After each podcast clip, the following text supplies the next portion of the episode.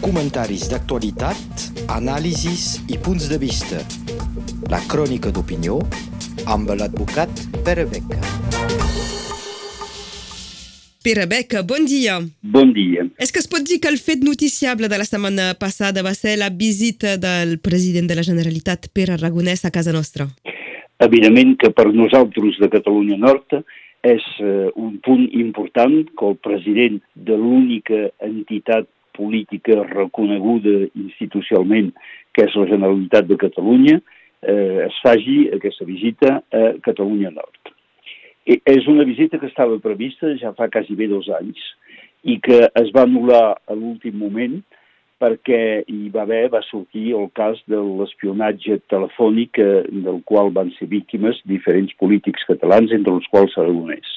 I doncs es va anul·lar aquella visita en el seu moment. I ara eh, el president ha aprofitat de que estava en camí per anar a Toulouse per prendre la presidència institucional de l'Euroregió. Recordem que això és la reunió d'Occitània eh, per la part francesa eh, i Catalunya amb una euroregió més o menys amplificada cap a les illes eh, en diferents condicions i cap a altres zones del Mediterrà, un projecte, i doncs va voler aprofitar d'aquesta evidentesa i d'alguna manera marcar la presència catalana en aquest territori. La visita va començar per una visita a Prats de Molló, especialment a la Casa Macià, que és un símbol històric, és en aquella casa que el president Macià va elaborar la primera Constitució destinada a regir Catalunya als anys 1925.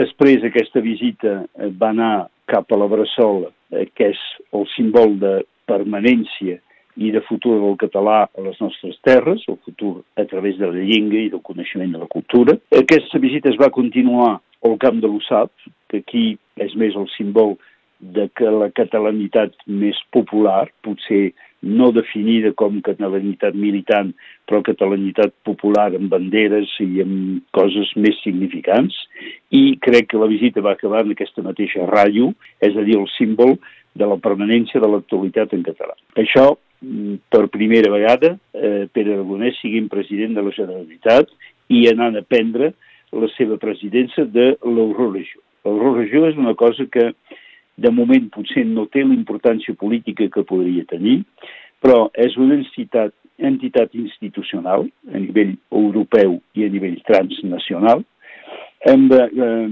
competències potser limitades, però competències compartides entre les diferents entitats que en són part, i recordem, per si necessari, que contràriament al discurs oficial d'aquests moments que diu que això va començar l'any 2009, de fet, l'euroregió ja existia de des dels anys 90 per voluntat en el seu moment del president Jordi Pujol, del president Jacques Blanc de la regió del Rosselló, del president Marc Sancí eh, de, de la regió eh, Midi-Pirener en el seu moment, i que l'euroregió en aquells moments tenia la seu a Perpinyà, concretament al Terpans. Tot això s'ha perdut una mica, però bé, el fet que un català per dos anys més endavant sigui el president i amb idees i amb ganes de fer coses, potser ens permeten una certa esperança de presència catalana a nivell polític europeu. Aquesta visita um, del Pere Aragonès a Catalunya Nord uh, localment potser no ha estat uh, acceptada per, uh, per tothom, com, com per exemple pel, pel Valle de Perpinyà.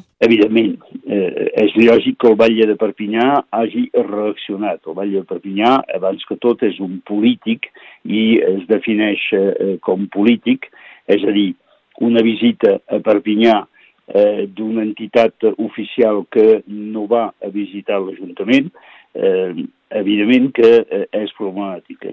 Notarem, per tant, que malgrat la seva reacció, el senyor Eliot no diu mai que hagués rebut a l'Ajuntament, perquè eh, la política del partit del senyor Eliot no és gaire a favor de les entitats com la Generalitat de Catalunya i totes les entitats que puguin pretendre sortir del quadre estrictament nacionalista.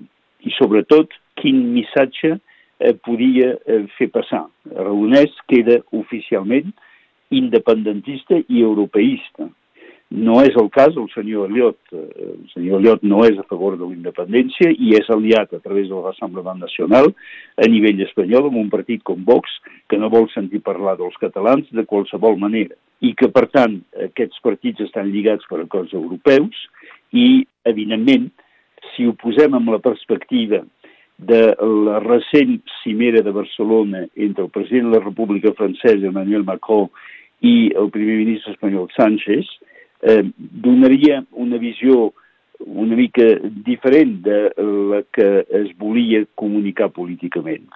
Aquesta nova aliança entre França i Espanya, aquesta necessitat de reestructurar Europa cap al sud, no pot correspondre ni a l'objectiu de l'Assemblement Nacional per la part francesa, ni finalment, d'alguna manera, a l'objectiu de Pere Aragonès i de la Generalitat de Catalunya d'arribar a una sèrie d'independència. Ens trobem entremig d'aquestes dues tendències i el govern espanyol, que a través d'aquesta civera s'ha donat un aspecte d'europeista i de voluntat d'integració, a la realitat veiem que no fa res o molt poca cosa perquè això es concreti al seu propi nivell estatal. És a dir, que per Pere Aragonès anar a l'Ajuntament de Perpinyà no podia tenir cap sentit, no podia haver-hi cap missatge polític en concret i que, per tant, no és estrany que no hagi fet la demanda d'anar a visitar el Batlle de Perpinyà. Mm, notem també que no va anar al Consell Departamental i tampoc hi ha hagut tanta polèmica. Acabarem eh, parlant del, del profit que, que en poden tenir o, o trobar d'aquesta visita a les entitats locals que precisament han estat visitades elles. Doncs, evidentment que eh, l'interès és de tenir el suport de la Generalitat, eh, que sigui per les escoles, que sigui per l'associació Casa Macià, amb l'idea de crear un museu, un museu de les resistències a Prats, que sigui per aquesta mateixa ràdio, que ajuda de la Generalitat de Catalunya, que sigui a nivell financer o a nivell de suport institucional, de reconeixement institucional, és essencial. I això, qualsevol sigui el president de la Generalitat, qualsevol sigui l'organització política que mani a la Generalitat, més o menys sempre ha existit.